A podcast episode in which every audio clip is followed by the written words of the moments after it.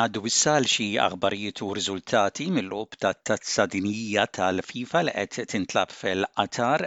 L-eks plejer tal-futbol Awstraljan Craig Foster ikkummenta dwar l-aspett politiku tat-Tazza tad-Dinja tal-futbol fil-Qatar wara li persuna daħlet fil-grawnd tal-futbol bandiera b'ħafna kuluri u waqqfet il-logħba bejn il-Portugall u l-Urugwaj.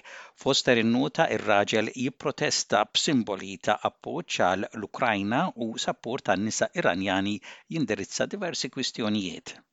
FIFA now is uh, taking this discretionary approach to Black Lives Matter or Ukraine advocacy and then that's okay, but LGBTI is not okay, for example. So the game's in quite a mess when it comes to athlete advocacy at the moment. And for that reason, a supporter had to take the responsibility to make a statement, and well done to him. Uh, He ran on the field and he didn't miss his opportunity because he basically had three. He had a rainbow flag, he had Save Ukraine and on the back he had Respect for Iranian Women.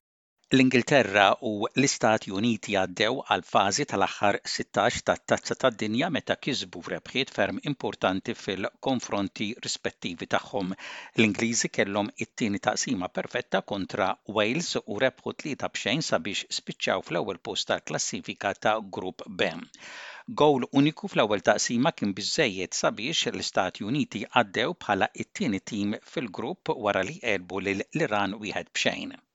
Fl-aħħar ġurnata ta' Grupp E, rebħa għal l-Olanda fissret li rebħu l-grupp filwaqt li s-Senegal xejnu l-isfida ta' l-Ekwador u bir-rebħa li ħadu fuqhom qabżuhom u spiċċaw fit-tieni post B'hekk l-Olanda u s-Senegal għaddew minn Grupp A filwaqt li l-Ekwador u l-Qatar kienu eliminati. L-Olanda rebħu lil Qatar tnejn b'xejn u s-Senegal rebħu lil Ekwador tnejn b'wieħed. Franza u l-Awstralja huma ż-żewġ timijiet li għaddew għar-rawnd tas-sittax filwaqt li t-Tunisija u d-Danimarka sfaw eliminati. It-tim Awstraljan riedu jirbħu biex ikunu ċerti li jgħaddu għar-rawnd tas-sittax u kontra d-Danimarka rnexxielhom jagħmlu dan. Sa tmiem l-ewwel taqsima l-iskor kien għadu ma infetaħx bl-Awstraljani jkunu xi ftit aħjar mill-avversarji. Siegħa logħob u l-Awstraljani marru minn fuq, kien Matthew Leckie li rċieva l-ballun f'nofs il-grawnd u bil-ġirja baqa' dieħel fil-kaxxa l-kbira u b'xutt fil-baxx bil-ballun jispiċċa fir-rokna tax-xibka. Minn hemm 'il quddiem l-Awstraljani għalqu tajjeb u mas-suffara finali tar-referee setgħu jibdew jiċċelebraw posthom fil-fażi tan-knock-out. Riżultat finali, Awstralja wieħed, Danimarka xejn.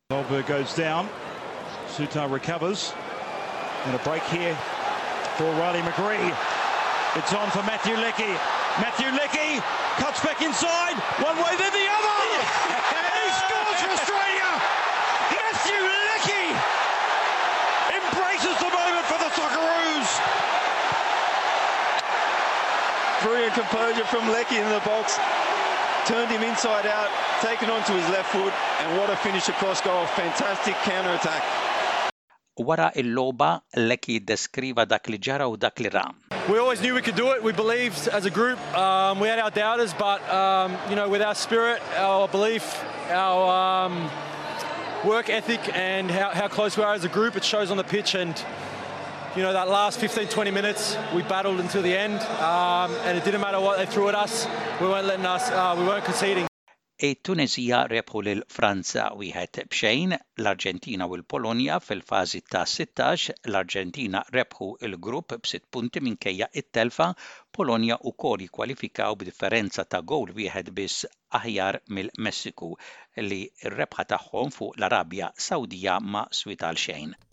L-aħħar riżultati f'waħda mill-aktar logħbiet emozzjonanti fl-istorja tat-Tazza tad-Dinja u bl-aktar mod xejn mistenni, il-Grupp E ntrebaħ mill-Ġappun meta għelbu lil Spanja tnejn b'wieħed.